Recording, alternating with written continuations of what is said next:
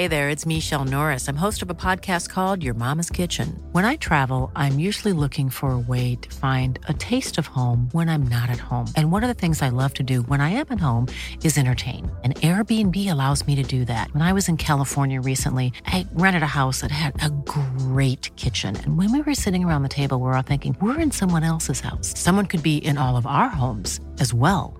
If you have a home, but you're not always at home, you have an Airbnb. Your home might be worth more than you think. Find out how much at airbnb.com/slash host. Hey, I'm Ryan Reynolds. At Mint Mobile, we like to do the opposite of what Big Wireless does. They charge you a lot, we charge you a little. So naturally, when they announced they'd be raising their prices due to inflation, we decided to deflate our prices due to not hating you. That's right. We're cutting the price of Mint Unlimited from $30 a month to just $15 a month. Give it a try at mintmobile.com slash switch. $45 upfront for three months plus taxes and fees. Promo rate for new customers for limited time. Unlimited more than 40 gigabytes per month. Slows. Full terms at mintmobile.com. Millions of people have lost weight with personalized plans from Noom, like Evan, who can't stand salads and still lost 50 pounds. Salads, generally, for most people, are the easy button, right? For me, that wasn't an option. I never really was a salad guy. That's just not who I am. But Noom worked for me. Get your personalized plan today at Noom.com. Real Noom user compensated to provide their story. In four weeks, the typical Noom user can expect to lose one to two pounds per week. Individual results may vary. I dag skal vi få høre Martes fødselshistorie. Marte hadde det i hvert fall jeg anser som en over gjennomsnittet stor drøm om å føde vaginalt. Ja, det var sågar noe av selve motivasjonen for å bli gravid. Beskjeden om at dette ikke lot seg gjøre grunnet en syste i bekkenet, var derfor tøff å få for Marte. Den planlagte keisersnittfødselen ble likevel stort sett en fin opplevelse. Tiden etterpå skal imidlertid vise seg å bli noe ganske annet.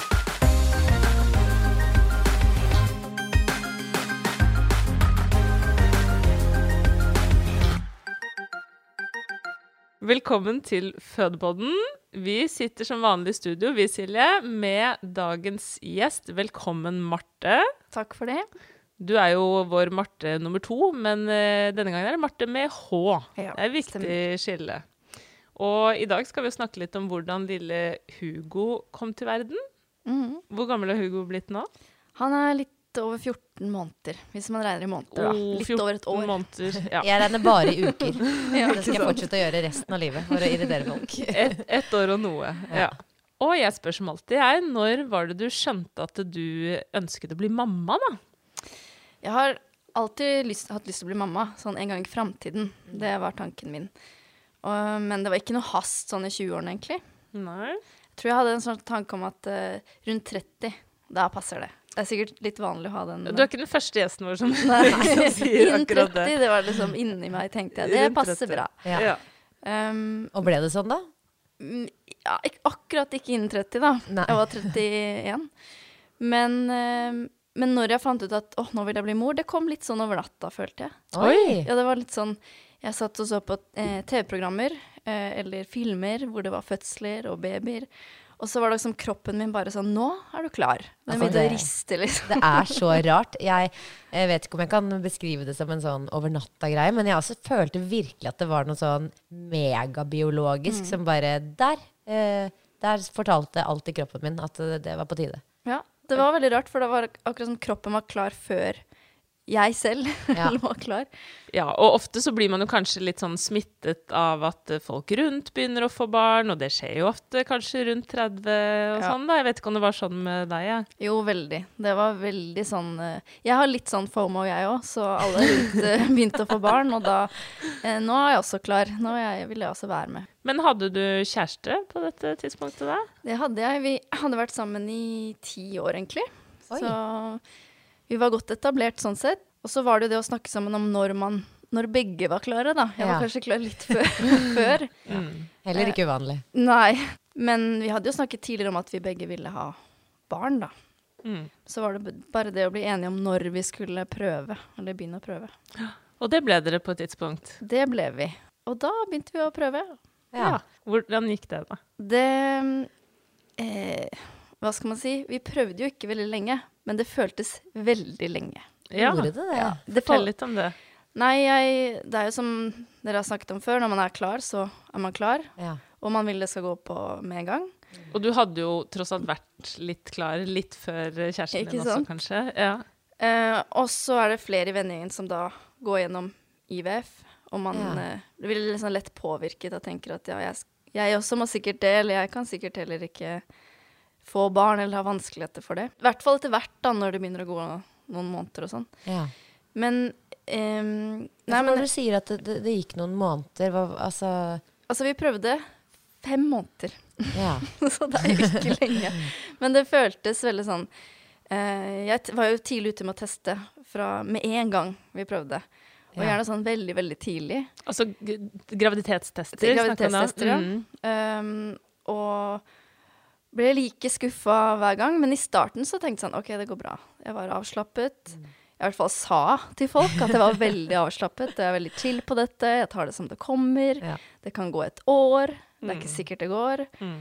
Og jeg har lært av meg selv at jeg ofte sier sånne ting, da, at jeg liksom utad skal Ja. fremstå som veldig chill på Ja. ting. Og at amming og sånn, det, det får vi se på. Jeg tar flaske om det ikke går. Men så har jeg skjønt at jeg ikke er sånn i det hele tatt. Og vi har jo også snakket om det tidligere, det derre hvor raskt man kommer, som du sa, til en sånn Nå er jeg så veldig klar, og det er klart at det hver måned det ikke går, da er jo liksom en liten For mange, da. En liten sorg, på en måte.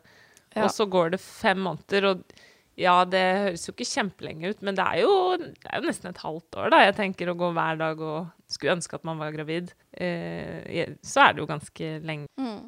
Ja. Og så var det jo også sånn at eh, jeg har litt, vanligvis litt eh, hormonelle svingninger, da. Så jeg har mye, eller ganske sterk sånn PMS Ja. eh, før mensen, som eh, gjør at jeg ofte opplever at jeg blir sånn veldig, veldig i kjelleren, eh, og litt sånn minideprimert og bare vil ligge i, fosterstilling. Mm. Eller at eh, det svinger så mye at det er liksom eh, raseri og latter og tårer og alt på en ja. gang. Ja. Og når det da sammenfaller med negativ graviditetstest hver måned, så ble det en ganske dårlig kombo. Så Mm. Ja, jeg ble ble litt sånn forsterket. smågal, da. Ja. Eh, og jeg ble testoman. Ja. Altså, jeg bestilte på nettet sånne pakker med tester, og Oh, yes. sånn mange ganger etter hverandre, selv om de var negative. Ja. Ja, ja, Eggløsningstester også? Er det Etter bare hvert så kjøpte jeg de òg. ja. jeg var Det er noen som tjener godt på det der, altså. Ja, det, Det er det man skulle starta med. Ja. Men så ble du eh, gravid, da, etter ca. Ja, fem måneders prøving. mm. Uh, og hvordan gikk eh, Eller hva slags tanker hadde du da? Eh, Først så var det litt sånn at eh, jeg klarte ikke helt å tro på det. At uh, når det først gikk, så hadde jeg liksom sett Jeg hadde liksom sett så mange streker som ikke var der. Mm. Uh, du tyder tester, og er det en strek eller ikke? Når det først var en veldig svak strek, så klarte jeg liksom bare å tenke at nå er jeg gal, jeg ser Ja. Begynte å hallusinere i Ja. tillegg. Men jeg var jo selvfølgelig veldig glad. Og, men så slår jo det inn at man blir litt sånn Man tenker at det er jo ikke sikkert det går hele veien, da. Mm. Så litt bekymring meldte seg da. Litt, men ikke sånn veldig. Jeg tenkte bare at jeg er glad jeg kan bli gravid. Ja. Dro dere på tidlig ultralyd og sånn da, for å liksom få bekreftet, eller? Ja, vi var på to stykker. Uh, først for å bare se hjerteslag. Mm. Og det var den sterkeste opplevelsen for meg, egentlig. Ja. Å bare se de hjerteslagene. Og da, da klarte jeg ikke å holde tårene tilbake. Nei. Nei, jeg også begynt å gråte da. Ja. I sånn uke seks eller sju. Ja, ja. Eller, Jeg var ikke forberedt på det, at jeg skulle gråte da, men Mm. det var rart. Mm. Og så Jeg husker ikke om det var uke 13 eller noe, men da vi kunne se kjønn, da. Ja. Og det så jeg før jordmoren, egentlig. ja. Den tissemannen sto rett opp. Noen sier jo det når det er gutt, at de kan se den minipenisen, liksom. Ja, på han lå liksom på utstilling. Ja. Så det var, var gøy. Og hvordan var eh, svangerskapet, da? Det var også ganske greit. Jeg eh, var litt kvalm i noen måneder. Men heldigvis, så jeg er jo lærer, så jeg hadde jo sommerferie. Ehm, Ja, God timing. Da. ja, det var akkurat da jeg ble kvann, så hadde, fikk jeg sommerferie. Og akkurat da jeg ikke var kvann lenger, så begynte jeg på jobb igjen. Altså, hør hvordan man tenker her som kvinne. Det Sånn, å, så var det så utrolig flaks at jeg kunne bruke ferien min på å være syk. Ja, veldig deilig. Uff, ja, det er et godt poeng, egentlig. Det, ja. Og hvordan gikk resten av graviditeten, da? Det gikk ganske fint. Jeg var litt distrahert av at jeg tok lappen. Ja. Så jeg tenkte liksom mest på det. Ja. Um, men det som var så fint med å være gravid for meg, var at jeg hadde ikke PMS. Så jeg, var, jeg hadde ikke sånne tårer, gråtetokter. Jeg var helt sånn i vater. Du var helt stabil. Helt stabil. Jeg Ja. gråt nesten ikke en tåre, bortsett fra da jeg strøk på oppkjøring to ganger. Jeg ser for meg hun gravide som stryker to ganger på oppkjøring, og ja Det ble kanskje litt tårer Litt tårer der. Ja. Og Men det er litt rart det der med den stereotypien om at alle gravide kvinner er sånn megahormonelle monstre. Fordi jeg vet jo om flere som sier akkurat det samme som deg. Man har et mye mer stabilt hormonnivå, så Ja. selv om det ligger høyt, så ligger det stabilt høyt. Man slipper de der svingningene hver måned som ikke sant? Veldig mange tenker at det er veldig sånn naturlig å, å ha menstruasjon måned ut og måned inn i alle sine fertile år. Men hvis man ser litt sånn historisk på det, så det skjedde jo aldri før. For enten gikk man gravid, eller så ammet man. Så, og da hadde man jo ikke menstruasjon og den vanvittige svingningen i hormoner hver eneste syklus, da. Som du kjenner også påvirker deg i ganske stor grad, ikke sant. Så det gir jo egentlig veldig mening sånn sett at det, ja, det er, det er mye hormoner, men, men det er stabilt, liksom, da, på en annen måte. Ja, det var veldig deilig. Og så jeg hadde jo Det var en av de beste bieffektene, holdt jeg på å si. Ja. Um, men andre plager Vet ikke om jeg skal nevne da at jeg fikk eh, sopp. Ja, så. det er jo veldig vanlig. Så jeg skjønte at det var ganske vanlig, da. Men Mm. det var liksom eh, vel, ganske ubehagelig. Og det gikk lang tid før jeg gjorde, sjekka det. Ja, hvordan merket du det? Nei, jeg fikk eh, mer og mer utflod. Og så Mm. spurte jeg liksom andre folk som hadde vært gravide, som jeg kjente. Sånn Mm. Hvordan var det? Er det normalt? Og alle bare ja, ja, du får litt mer utflod og sånn. Ja. Men så begynte det liksom å bli litt mer sånn illeluktende, Illeluktende, da. ja. ja. Ubehagelig. Så jeg Kjente var ikke ikke noe kløe, eller det var ikke Jo noe da, sånt? Jo. kløe og svi og sånn. Ja. Så gikk jeg til gynekolog. Eh, en sånn ø, polsk dame, tror jeg. ja. Eh, og jeg rakk så vidt å spre beina før hun bare Å, her var det sopp igjen. Ingen Ja, tvil, veldig- ingen tvil. Ja. Men det er ganske greit å behandle, er det ikke det? Jo, da måtte jeg ta sånn ja, pillekur eller noe sånt. Ja, ikke sant. og krem og Men så kom jeg til tredje trimester, og det var det tyngste for meg. Da følte jeg meg som en hval. Ja. La du mye på deg, eller?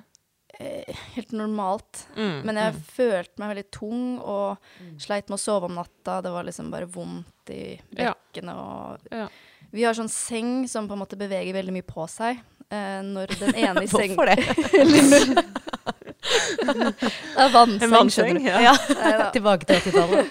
Når den ene personen Apropos beveger på seg Når den ene personen beveger på seg, så beveger liksom hele senga veldig på seg. Jeg skjønner. Um, så stakkars eh, Christian, da, eh, samboeren min, han em, fikk sikkert ikke sove så godt, han heller, når jeg dundra liksom bare kaster seg rundt. Og, og, det tar litt tid, og det er litt krevende Ja, å snu seg, og det er liksom ikke bare sånn elegant uh, ja, Gjennom hele natta. Så det var veldig Det var slitsomt, og jeg følte liksom at jeg klarte ikke å gå eller sitte behagelig, bare nei. Jeg var veldig var klar litt- for å føde. Mm. Ja, så det var litt tungt tredje trimester, da. Men Ja. du var klar for å føde. Hva slags tanker eh, hadde du rundt det med fødsel, da? Em, nå skal jeg ikke si at jeg alltid har gledet meg til å føde. Det var liksom ikke som barn at jeg syntes det hørtes så fristende ut. Nei. Men etter hvert som jeg ble mer klar for å bli gravid og føde, så så jeg mye på ja, fødeavdelingen. Avdelingen. Har vel sett alle episodene kanskje to-tre ganger. Mm. um, og så ble det plutselig en sånn Å, shit, det der må jeg prøve. Som en, en opplevelse som jeg ville ha, eller gjennomføre, eller kjenne på den derre mestringsfølelsen som jeg vet ikke alle kjenner på, da. Men uh, det så veldig sånn heftig ut. Og det høres litt rart ut, men det var nesten så det var mer motivasjon for meg å skulle føde og bli gravid enn det å få et barn Ja. på et punkt, da. ja. ja. Ja, så jeg tok jo fødselsforberedende kurs, uh, og var liksom veldig sånn forberedt på det meste. I hvert fall sånn som jeg også sa i stad, jeg, jeg utad, da, ja. Fremstilte det som at eh, ja, ja, jeg tar det som det kommer, og um, jeg vet at det er mange måter fødsler kan skje på, og det nødvendigvis ikke blir sånn som du Du kan ikke planlegge det. Nei. Så jeg følte at jeg var liksom forberedt på alt fra sugekopp og igangsetting og jeg vet ikke det meste, da. Ja. Men det var én ting jeg ikke var så keen på, da. Okay, Ja, Det var keisersnitt. ja. Ja. Hvorfor det?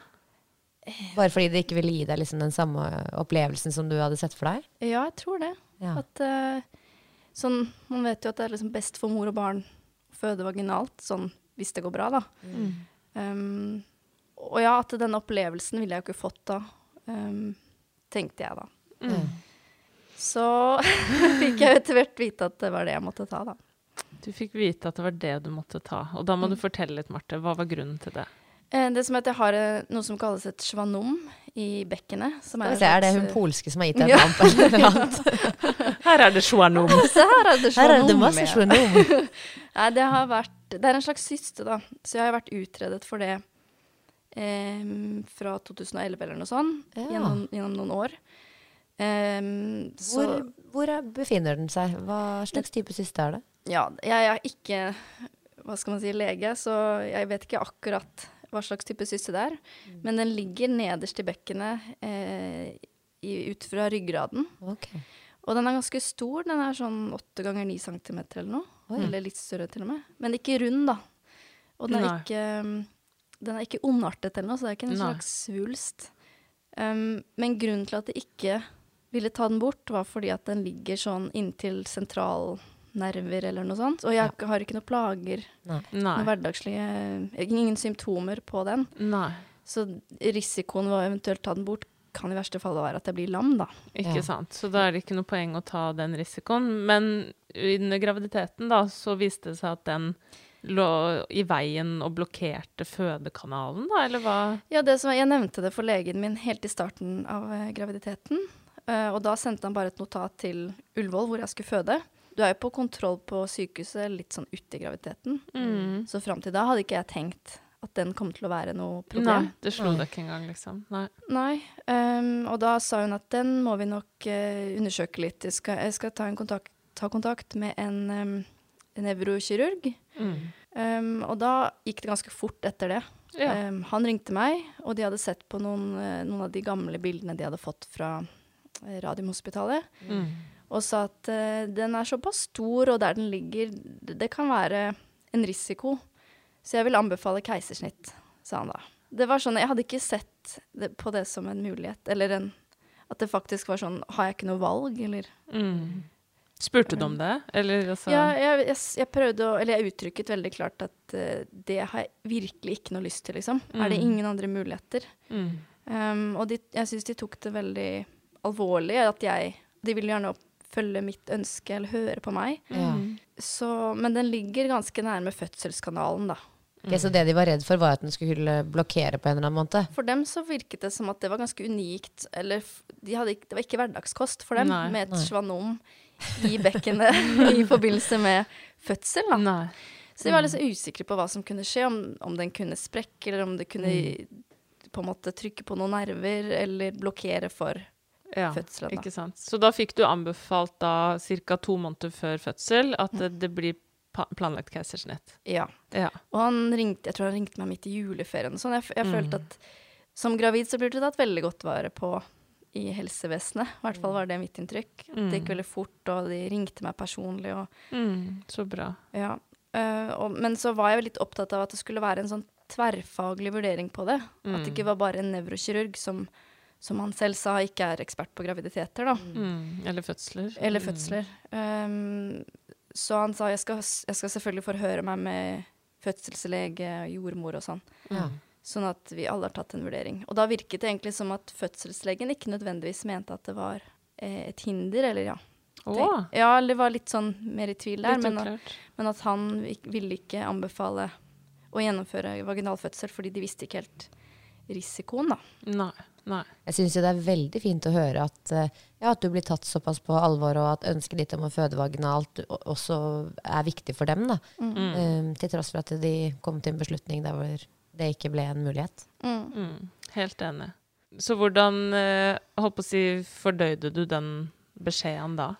Nei, jeg gråt og gråt. Og det virk, når jeg snakket med folk rundt, eh, så opplevde jeg i hvert fall at folk var litt sånn Å ja, syns du det er så fælt på en måte å ta keisersnitt? Er ikke det Mm. digg å slippe å føde? Eller Mm. inni meg så var det på en måte en skikkelig uh, vanskelig. Mm. Og litt sånn um, Jeg vet ikke, jeg klarte ikke å akseptere det helt, da. Nei. Nei, og du hadde jo da gått inn i den graviditeten med en tanke om at du gledet deg skikkelig til å føde, da. Så, og det Og er, jeg vet at fødsel ikke er skikkelig digg eller noe.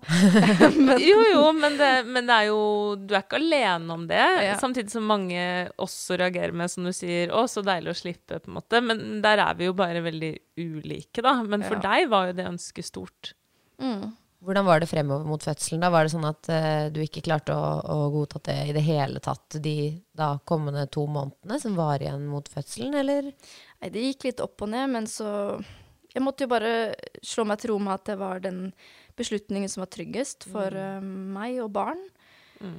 Um, så jeg, jeg vet ikke om jeg reelt sett hadde noe valg. Man har kanskje det, men jeg, vil, jeg vil jo heller ha et planlagt keisersnitt enn at det ender i et hastekeisersnitt. Mm. Og så hadde jeg jo to måneder å forberede meg på, så Ja. da var det jo Jeg fikk jo en dato hvor det skulle skje. Ja, denne datoen skal du bli mor. Var det spennende? Eller klarte du ikke å synes det heller? I Jo da, det ble jo spennende det. Og da den, Jeg hadde mm, termin 16. februar, og så fikk jeg da dato 8. februar. Ja. Ja. Så da var det å skrive det i kalenderen. Da skrev jeg 'møte med min egen sønn'. Møte med min egen sønn, ja. Og så kom 8. februar, da. Dagen du skulle møte sønn. Mhm.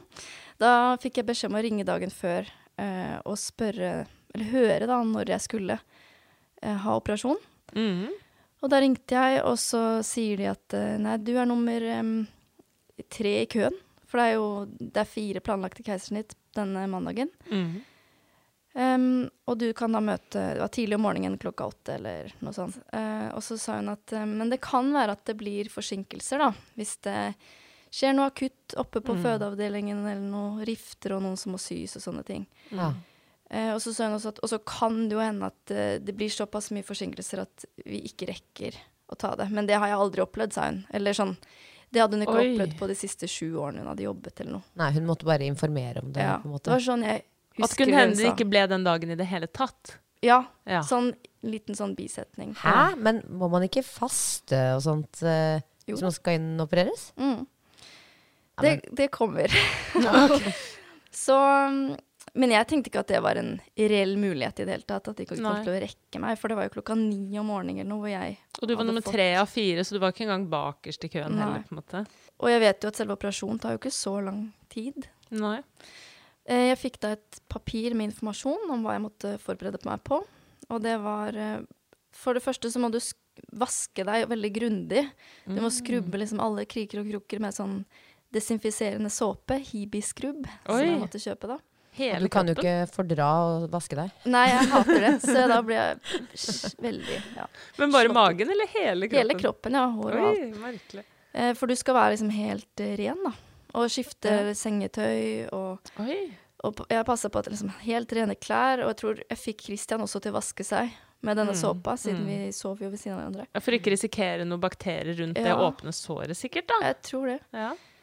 Og så må du da tømme tarmen med klyster. Mm. Så var det å legge seg på badegulvet og, og få det ut. Og du gjorde det selv Du må hjemme? gjøre det selv, ja. Hæ? Hvordan i alle dager gjør man det? Skal jeg forklare? Ja, men faktisk, for dette lurer jeg på. Ja, du får Det er en sånn eh, hva skal man si, pipette, eller sånn sprøyte med en væske som Ja. du stikker opp, og så sprøyter inn. Mm. Så går det ganske kort tid før du må gå på do, og så kommer alt. Ja. Yes. Ja. Så det måtte jeg gjøre. Og du er jo litt sånn Jeg vet ikke, jeg var ganske spent og nervøs. Selvfølgelig. Det er jo en stor operasjon. Ja. Mm. Um, Og du skal bli mamma. Ikke sant? Men når det gjelder keisersnittet, så hadde jeg egentlig ikke um, gruet meg noe særlig til selve operasjonen før det. Nei. Jeg tenkte egentlig at det verste for meg var å, å ikke skulle føde vaginalt. Mm, Så jeg, mm. gru- jeg gruet meg ikke til operasjonen, det var Nei. bare det å måtte ta keisersnitt. Mm. Ikke sant?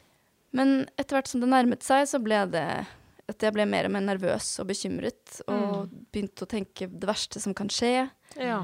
Og ble liksom redd for at jeg kom, kanskje jeg kommer til å stryke med, da. Mm. Um, så jeg var liksom ganske nervøs uh, kvelden før, og så var det alle disse forberedelsene, forberedelsene som jeg Mm. måtte gjøre riktig og sånn. Mm. Og du måtte faste også i Ja, hvor lenge da? Det glemte jeg. Jeg måtte faste fra midnatt, vel. Ja. Um, Og til potensielt langt utpå dagen etter, Mm. da.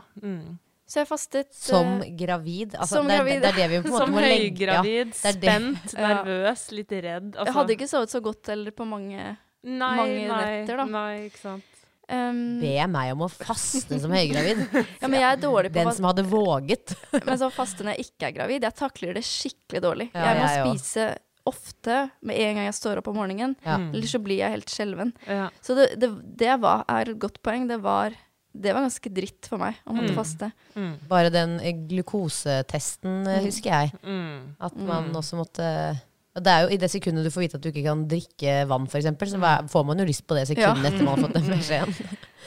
Men eh, så 8. februar så sto vi opp tidlig. Jeg husker det var, det var jo mørkt ute. Mm. Tok vi bussen til Sagene, byttet til 20-bussen til Ullevål. Mm. Og så var det inn på føde B. Kom vi inn på da. Mm. Da kom vi inn på et rom um, hvor jeg fikk ligge på en Om det var en fødeseng. Det var i hvert fall Jeg husker det som en veldig hard seng.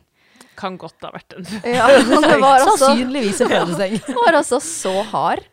Uh, det var så vondt. Jeg, fikk, jeg, jeg klarte liksom ikke å finne noe behagelig stilling. Nei, nei. Ehm, og så fikk jeg en sånn um, Var det fordi den ikke rørte på seg? Ja. Det var ikke masse bevegelse med. Altså ikke vannseng.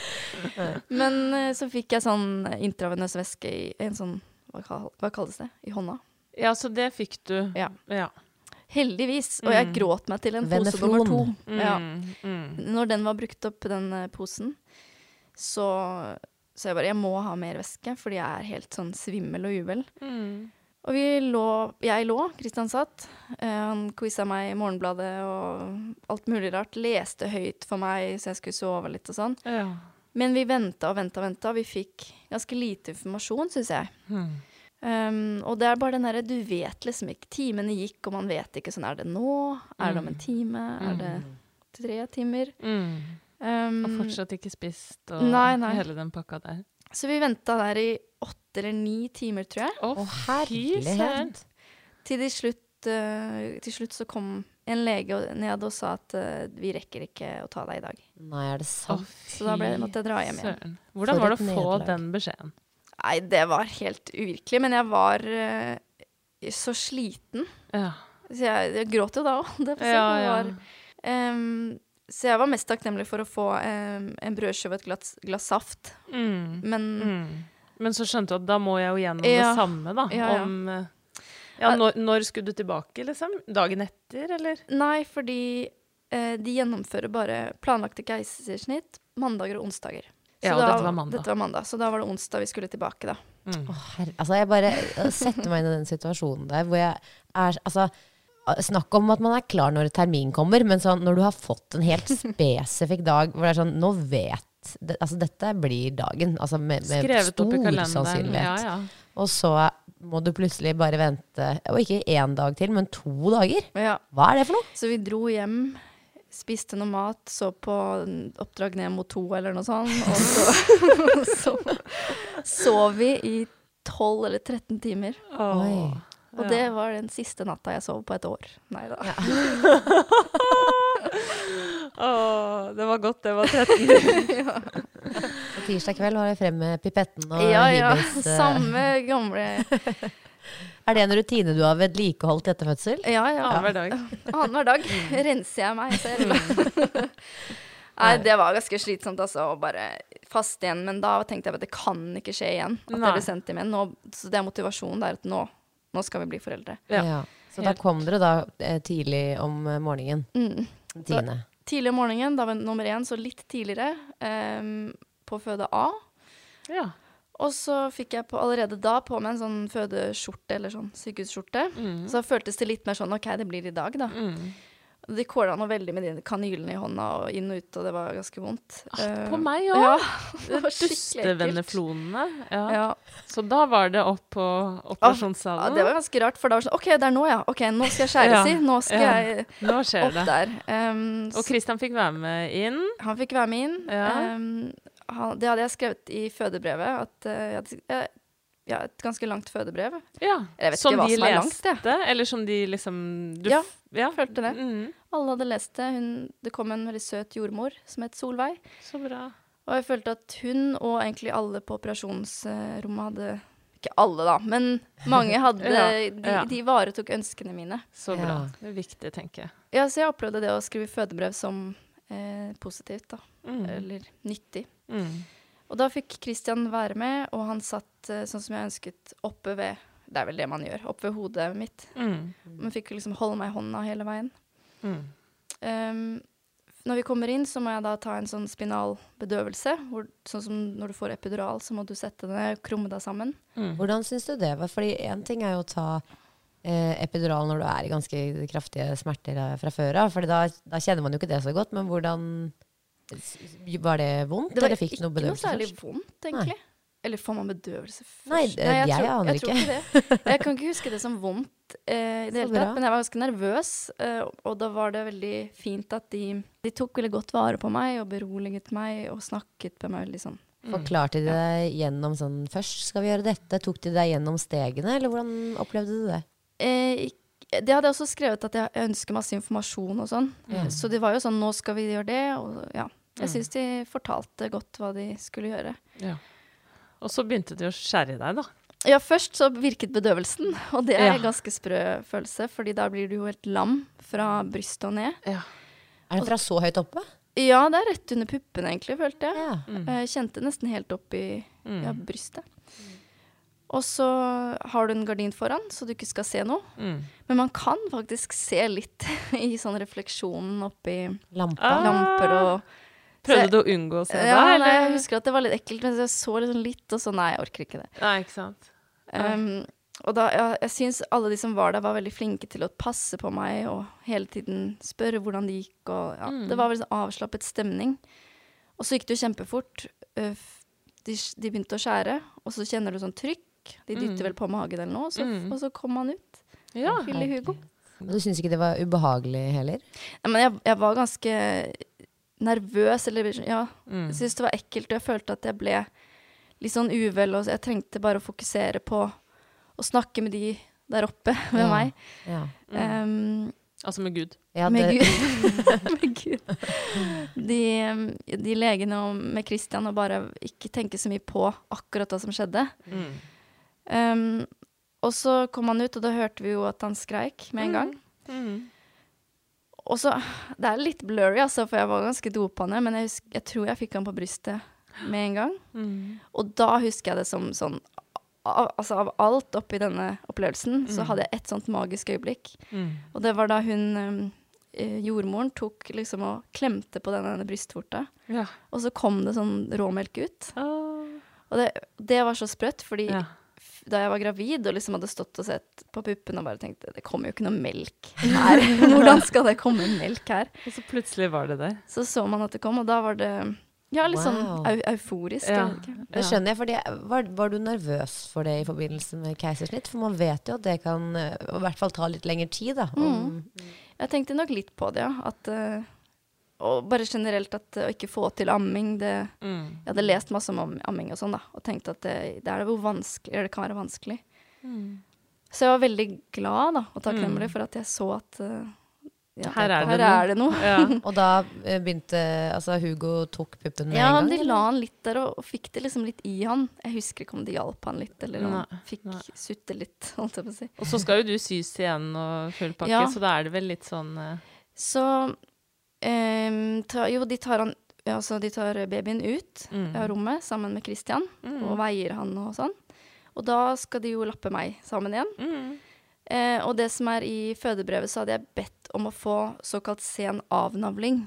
Mm. Jeg vet ikke om dere vet. Jo, absolutt. innebærer, ja. At man bruker lengre tid på å kutte navlestrengen. Ja, Og det er jo fordi at man skal kunne få eller, alt av liksom blod og Næring. ikke, næringsstoffer, ja, ikke sant, Mm. Fra morkaka og over i, i i babyen. babyen. Ja. ja, så jeg hadde i hvert fall lest om det, at det har helsemessige fordeler.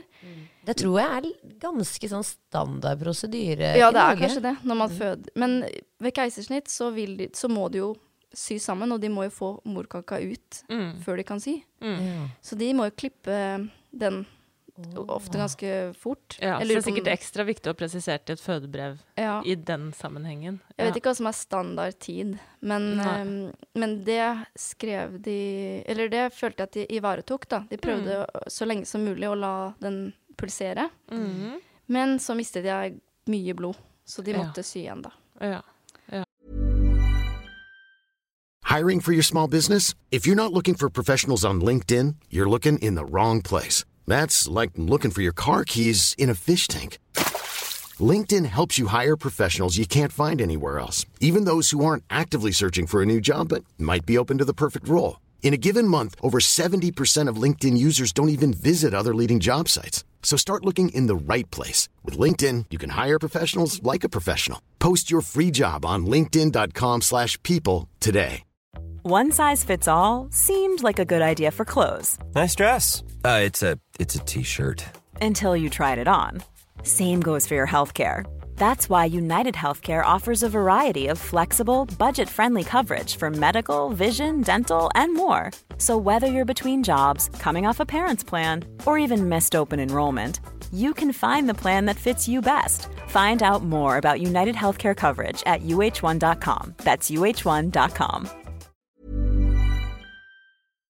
Og jeg fikk vite etterpå at det var, det var en betydelig mengde blod som Ja. påvirket meg veldig, da. Men det høres ut som du fikk egentlig en tross alt en ganske god fødselsopplevelse, da. Det vil jeg si jeg gjorde. Mm. Så, og så ble jeg trillet inn på postoperativ avdeling. Ja. Og hvor lenge er man der før man kan komme opp på barsel og sånn, da? Det varierer kanskje litt. men Ja, det er mulig. Du må være der til du får eh, følelse igjen i beina. Hvor lang tid tar det cirka? Jeg lurer på om det er et par timer, ja. Ja. Men jeg husker ikke at jeg lå der så lenge. Nei, tiden går jo ganske Ja. fort etterpå. Det opplevde i hvert fall jeg. Mm.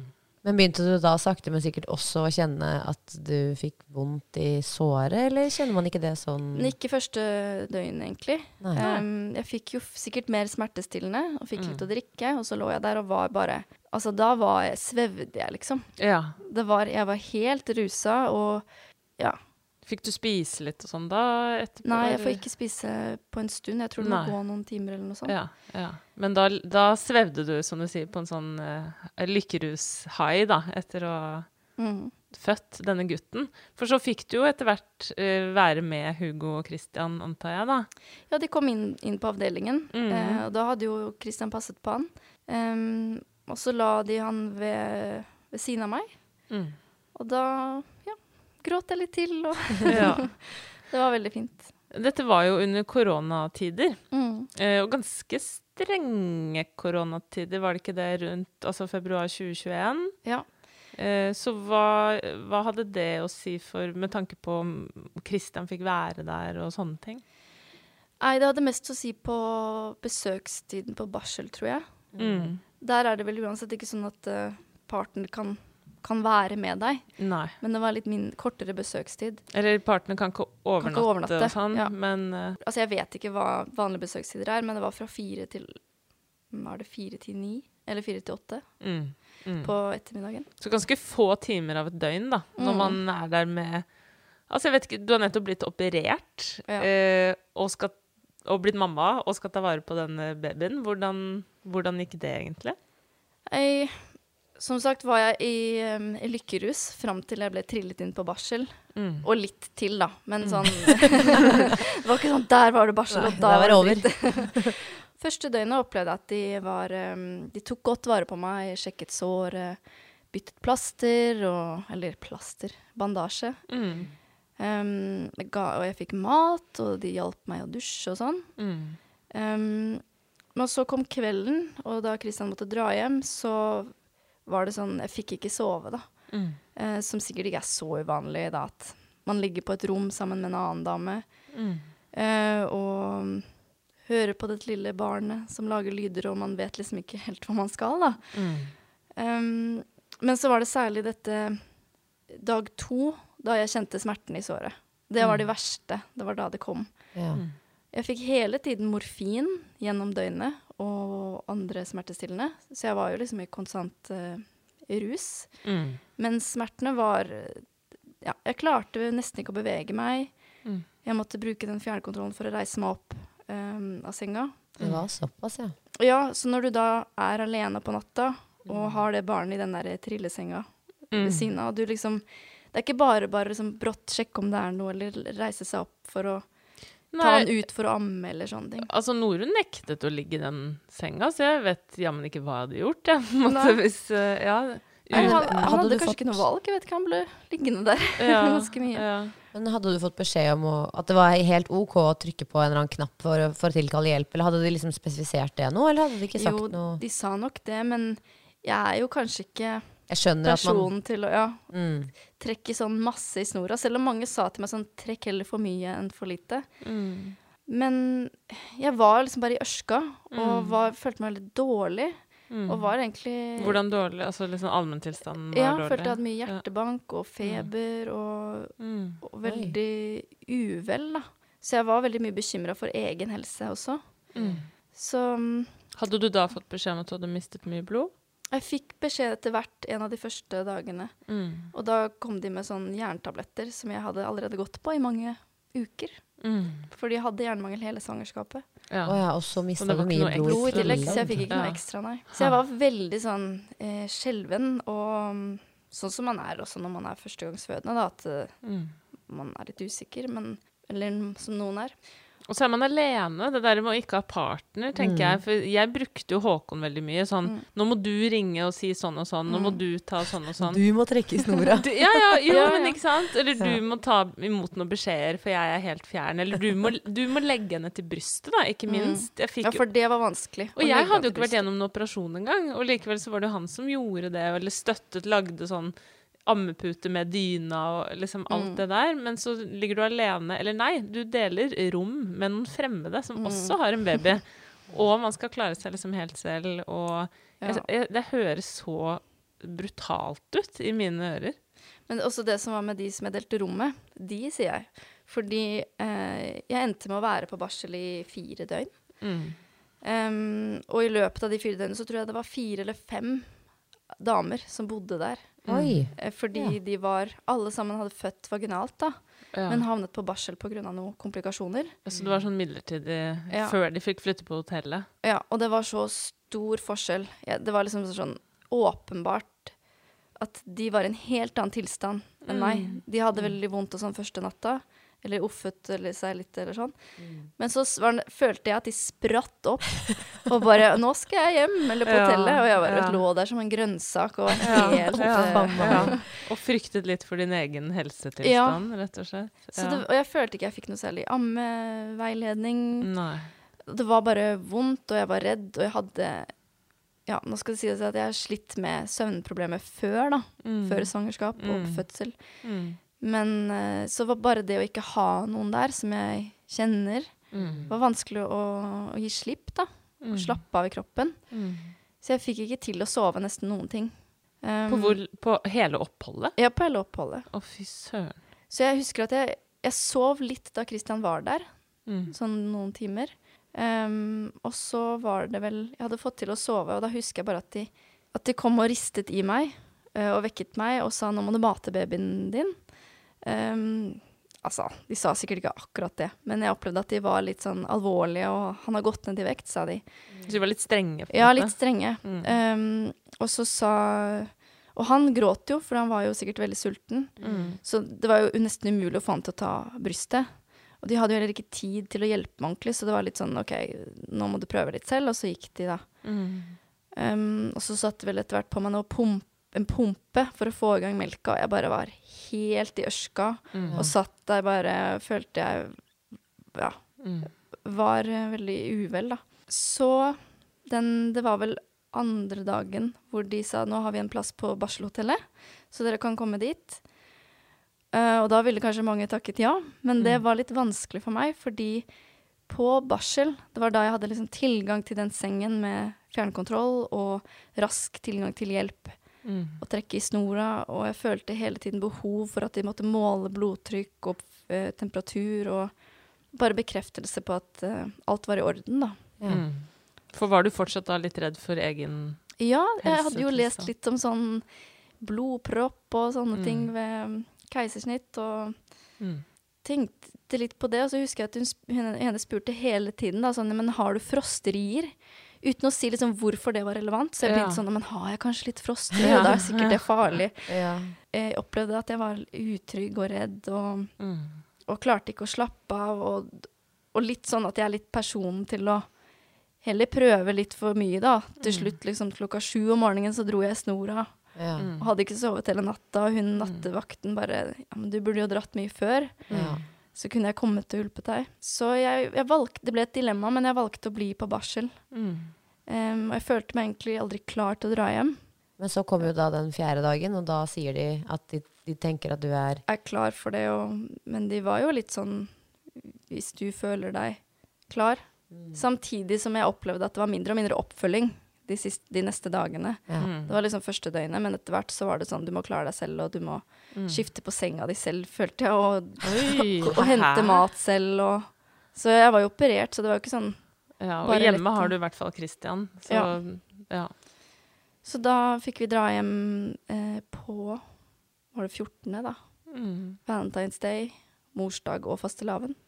Samme dag. Oi. Det er veldig mye faste fast Ja. i, din, i din historie. Da ble vi hentet av svigermoren min, og så kom vi hjem. Ja. Det var ganske deilig, faktisk, når vi først kom hjem. ja. Hvordan gikk den første tiden som eh, mamma, da? For det kan man jo ganske ulike opplevelser av. Ja. Eh, jeg var som et aspeløv. Jeg var kjempe Altså fysisk var jeg veldig, veldig redusert. Mm. Veldig slapp og svimmel. Og hadde jo, som jeg sa, mistet mye blod. Så fokuset var på, var på å få opp hjernenivået mitt, få i meg jernrik kost og Ble du fulgt opp uh, og Nei, tatt noe- prøver og sånn? Nei, så det var liksom et, et fokus du selv hadde, mer enn Ja, han eh, Christian var jo eh, hushjelp og servitør og ammehjelp og alt, da. Ja, ja. ja. um, som, du kan jo ikke løfte noe tyngre enn din egen baby Mm. første seks ukene eller noe sånt. Mm. Em, så jeg følte jo egentlig jeg bare satt og ammet. Mm. Og hvordan gikk det med søvn? Fordi nå har du jo da gått fire døgn som nærmest uten å sove, da. Nei, jeg sov egentlig veldig lite de første månedene. Um, det var akkurat som kroppen min gikk i en slags sånn krisemodus. Mm. Og det er jo, noen opplever jo kanskje at det er vanskelig å skru av, og du ligger og lytter til babyens lyder og sånn. Mm. Men det var liksom helt ekstremt, og jeg, jeg Mm. sliter med å sovne igjen når jeg blir vekket. Mm. Og en baby vil jo ha Den Vil jo vekke deg. Vil jo vekke Ja, deg. Den trenger Mm. ting og mat og Så hvis du og sånn. først hadde sovnet, så ble du vekket, og da var det vanskelig å sove igjen? Ja. Mm. Um, jeg opplevde også at uh, jeg fikk ikke noe jordmor hjem til meg. Uh, hun Nei. ringte meg, da. Um, og fordi på grunn av korona så hadde jeg en Mm. telefonsamtale. Mm. Og det var ikke så veldig lett å si at hun, Og hun fikk på en måte ikke et ordentlig inntrykk av hvordan jeg hadde det. Fordi du ikke klarte å uttrykke det, eller fordi du følte at hun ikke klarte å se totalbildet fordi Ja, hun ikke var der, det. på en måte. Vanskelig for henne, og henne å se totalbildet. Og jeg Ja. visste ikke helt hva jeg gikk gjennom selv. Visste ikke helt hvor vanlig det var å ikke sove så mye. For man hører jo om lite søvn og Ja, bla, bla, bla, men det høres ut som dette var mer ekstremt enn Det er jo store variasjoner Det innenfor det også, ja. til tross for at Ja, ja. åpenbart eh, når du får et barn, så, så sover du mindre, på en måte. Mm. Men hun sa jeg kunne ringe henne hvis det var noe, da. Men det gjorde jeg jo ikke, da. Det, Nei. Igjen den terskelen som Ja. Kanskje litt høy for deg, da. Og så var det Altså, det var mye greier. Det var at jeg var redusert. Uh, smerter etter operasjon. Mm. Uh, så var det det at jeg ikke klarte å sove. Mm. Så jeg ble veldig sånn nevrotisk og stressa og ja, sliten. Ja, for hva gjorde dette med deg? Du sier nevrotisk, stressa, sliten. Etter hvert så Altså, nå snakker vi litt månedsperspektiv, da, så ble det jo mer som en eh, altså engstelse rundt det å sove, eller skulle legge seg. Ja, det ble litt angstpreget, Ja. liksom. At folk prøvde å avlaste meg sånn 'Nå kan du gå og sove'. Mm. Så klarte jeg ikke det, og det ble At det ble en slags fobi mot å gå og legge seg på kvelden. Ja. Av frykt for å ikke få Ikke det til sove, nå ja. heller, Ja. liksom. Mm. Så jeg fikk etter hvert angst, da. Angstsymptomer. Som, Mm. som prikking i hendene og Oi. Klarte ikke liksom å følge med i samtaler eller følge med på TV-programmer. Og jeg var um, nedstemt og gråt eh, nesten hver dag. Og Mm. følte meg bare håpløs. Eh, ja. Mm. Fikk du noe hjelp? Nå sa du at hun jordmoren ikke plukket opp det helt og sånn, men var det noen som plukket opp dette, da? Altså, jeg var um, Jeg fikk Den første som kom hjem til oss, var en helsesykepleier. Mm. Men hun var jo mest fokusert på å vek- veie babyen, da. Ja. Mm. Det var liksom fokus på at han hadde gått ned i vekt. Selv om jeg fant ut etterpå at han hadde ikke gått ned 10% engang på sykehuset. Mm. Um, og det, ja, det er jo en egen greie, det med ammingen og sånn. Men um, jeg hadde veldig mange helsesykepleiere, for de ble liksom sykemeldt én etter én. Mm. Og det var ingen som uh, Det var mest fokus på ammingen og vekten. Mm. Og så var det litt sånn på slutten bare sånn Ja, hvordan har du det? Eh, jeg bare Ja, nei, jeg sover ikke så mye, da. Um, og så Mm. var det liksom Nei, du må sove, da. Det er viktig. Men klarte du da å eh, fortelle henne om altså, Fortalte du da om de symptomene med altså, prikking i hendene og sånne ting? Eller var Det hadde ikke kommet enda da. Nei. Det var etter hvert. Men Men man skulle tro Man vet liksom fødselsdepresjon er relativt vanlig og sånne ting. Og helsesykepleiere, er det noe de er drilla eller burde være drilla i, så er det jo nettopp sånne eh, risikofaktorer som lite søvn, mm. eh, mye av det du hadde opplevd rundt på barsel. Altså, ja, ikke sant? Så, og, det, det, det er rart at så mange kan være innom, og likevel så er det liksom ingen som som stiller det direkte spørsmålet, eller, eller fanger opp noe Mm. her, da. Ja. Ja, nei, så når det kommer til hjelp og veiledning, så opplevde jeg vel at det skortet litt på det. Um, Ja. Jeg kom til jordmor på den såkalte seksukerskontrollen etter ti uker. Mm. Og da, da var det ikke mye snakk om prevensjon, for hun så på meg at jeg var helt nede. det var, var du ligger ikke. Nei, Ja. du er eh, Her må vi hjelpe deg, på en måte. Ja, jeg klarte nesten ikke å si noe, jeg bare gråt. Ja, Mm. så etter ti uker, da, da møtte du en som Ja, det var jo Mm. jordmoren min, så jeg likte henne kjempegodt. Og hun sa nå skal vi Jeg setter deg i kontakt med en familieterapeut på huset. mm. Og fikk hastetime fort. Først oh, var det vel på telefon, bare, men ja. Mm. Jeg var også hos henne noen ganger. Um, og det hjalp bare å få noen å snakke med og bli sett, at nå får jeg hjelp. Men um, hun var jo på en måte spesialisert på sånn mor-barn-relasjon og sånn. Ja. Og det opplevde jeg kanskje ikke var direkte relevant. Eller sånn Det var jo fint å snakke med henne, Mm. men jeg uh, følte jeg trengte sånn søvnhjelp. Eh, hjelp, eller hjelp til Mm. søvnproblemer. Mer Mm. konkret, da. Ja. ja, for det var ikke det du kjente på, den der eh, mangelfulle kontakten, eller vanskelig Nei. for å kjenne på noen gode følelser overfor barn. Det var liksom ikke det som var Nei, ikke det Relevant tatt. for deg. jeg følte meg jo litt utilstrekkelig, da. Og Mm. litt mislykka. Sånn, sånn jeg klarer jo ikke dette. Jeg takler jo ikke dette. mm. Um, så oppi alt så Jeg syns jo ammingen også var ganske utfordrende. Mm. Og hadde fra tidlig og i mange måneder konstant sår og sopp også der. Mm. Og det jeg hørt det har en sammenheng, faktisk. Uff. Og Så- det jeg hørt er veldig vondt òg. Veldig vondt. Mm. Um, det var vel på et tidspunkt hvor han var tre måneder, hvor jeg liksom bare sa til Kristian at nå, nå klarer jeg ikke mer. Eller sånn Jeg klarer ikke å amme mer. Mm. Uh, hvis det skal være noe igjen av meg, så Ja. kan jeg ikke amme mer. Mm. Og jeg kan ikke få flere barn. Eller det var sånn, det var sånn jeg opplevde det, da. Mm. Ja. Jeg tenker på det med søvn òg. Sånn, Mm. Noen ganger så vil man kanskje tenke at vet du hva, nå kutter vi nattamming og alt, Mm. og så sørger vi bare for at du får sove. Ja, det, Jeg vet ikke om fikk du snakket faktisk om det, litt men- sånn veiledning om det. Da. At kan du ikke gi litt flaske, pumpe litt. Jeg fikk eh, sovemedisin av legen som sa Mm. sånn eh, Hvis du bare tar den, så kan du sove, og så kan eh, han får flaske. Men så Mm. ble jeg Jeg var jo ikke helt irrasjonell. Jeg ble veldig sta. Og var sånn Nei, jeg må amme, liksom. Mm, mm, Jeg vet ikke, jeg fikk det bare for meg. At uh, mm, han skulle ikke bli sugeforvirra med den flaskegreiene, og det var mm. Jeg ble Det var liksom koko, da. helt slipp der. Og så fikk jeg plutselig sove litt igjen, fant litt tilbake til søvnen. Og da fortsatte jeg å, fortsatte jeg amme, da. Mm. Så jeg ammer faktisk litt fortsatt, Ja. selv om han er 14 måneder. Du fikk det til. Jeg fikk det til. Ja. Eh, men så opplevde jeg mer og mer sånn angstsymptomer, Mm. og ble tipset av en venninne om akutt eh, psykiatrisk Eller DPS, da. Mm. Så jeg bestilte en time der. Fikk Mm. møte en lege og en eh, terapeut. Og det hjalp bare å få å bli møtt, tatt på alvor. Mm. Hvor noen sa sånn Du er Ja. Du ringte til DPS-et da, og forklarte til en sånn akuttpost, Mm. kanskje? Ja. Og da, de, da vurderer de sikkert sånn Ja, vi kan ta deg inn, du får en Mm. time. Mm. Ja. Da møtte vi alle tre, og jeg fikk fortelle. Og da, da sa de bare sånn Du er ikke psykotisk, selv om du føler deg det. Mm. Du trenger bare å sove. Ja. Um, ja. Nå blir jeg litt sånn ja. Det går bra. Jeg skjønner det kjempe Altså, det er jo Vi har jo snakket litt tidligere også, liksom. Verdien av å bli møtt riktig. Mm. Treffe riktige, Mm. riktig helsepersonell til riktig tid. Mm. Og veldig ofte så så hjelper det så mye bare allerede der, mm. i det møtet, da.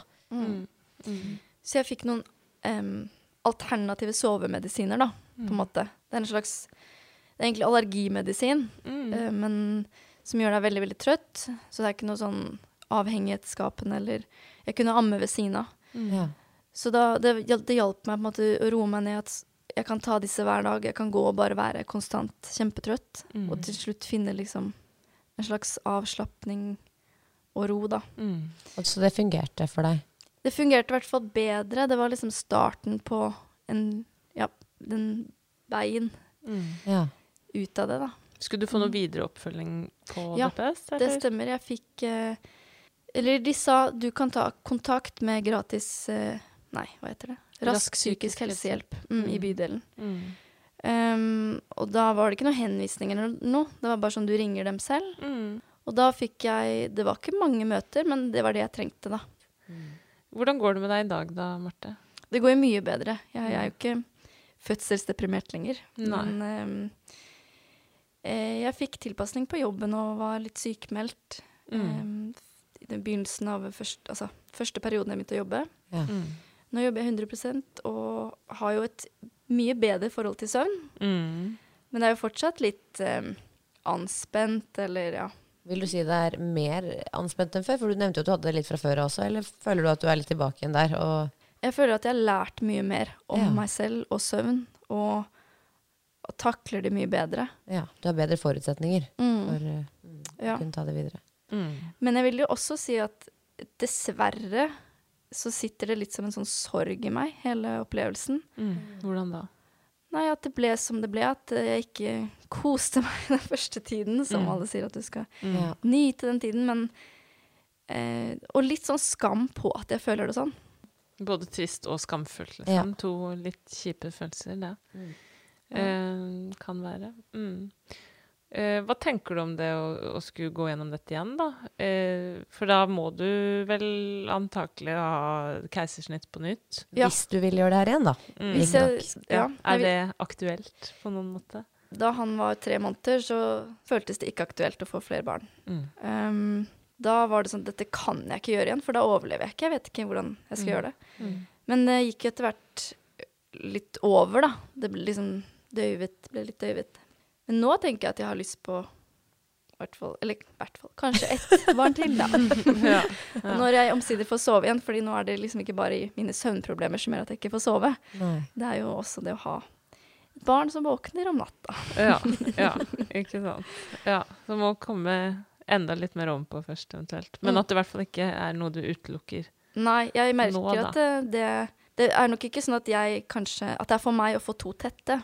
Men eh, jeg kjenner at jeg kunne tenke meg å få et barn til. Men da blir, vet jeg at det blir keisersnitt. Ja. Ja. Mm, mm.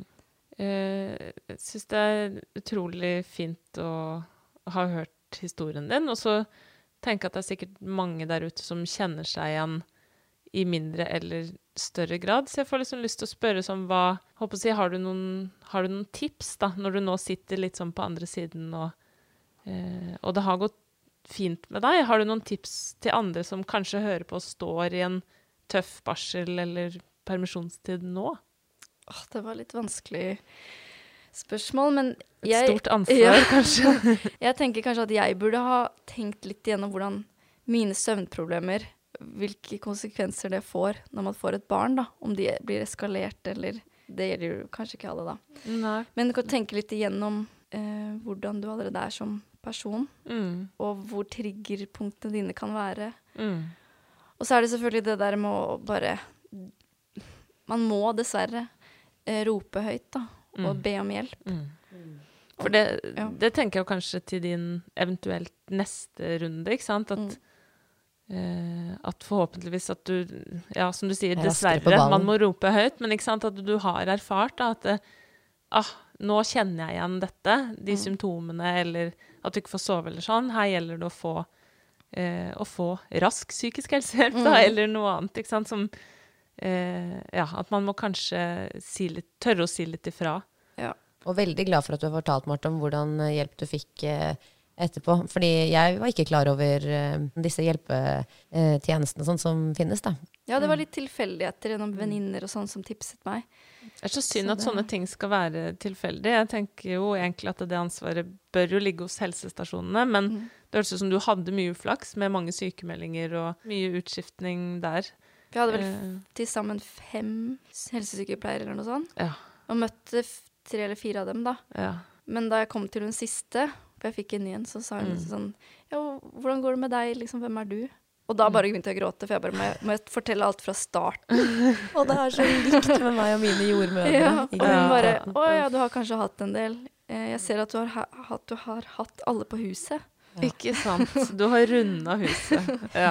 Eh, Så gjenstår det bare å si lykke til videre, da, med lille Hugo. Takk for det. Håper han sover bedre og bedre, og du med. Ja. Tusen takk for at jeg fikk komme. Det var veldig fint å få dele historien min også. Så bra. Takk for at du delte. Ha det. Ha det.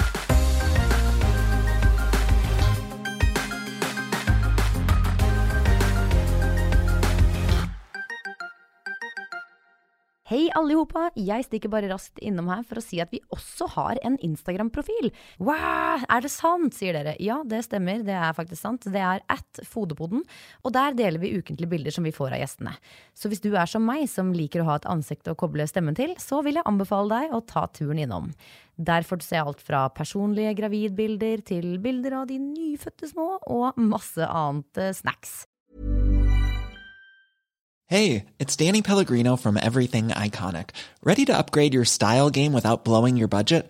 Check out Quince. They've got all the good stuff shirts and polos, activewear, and fine leather goods, all at 50 to 80% less than other high end brands.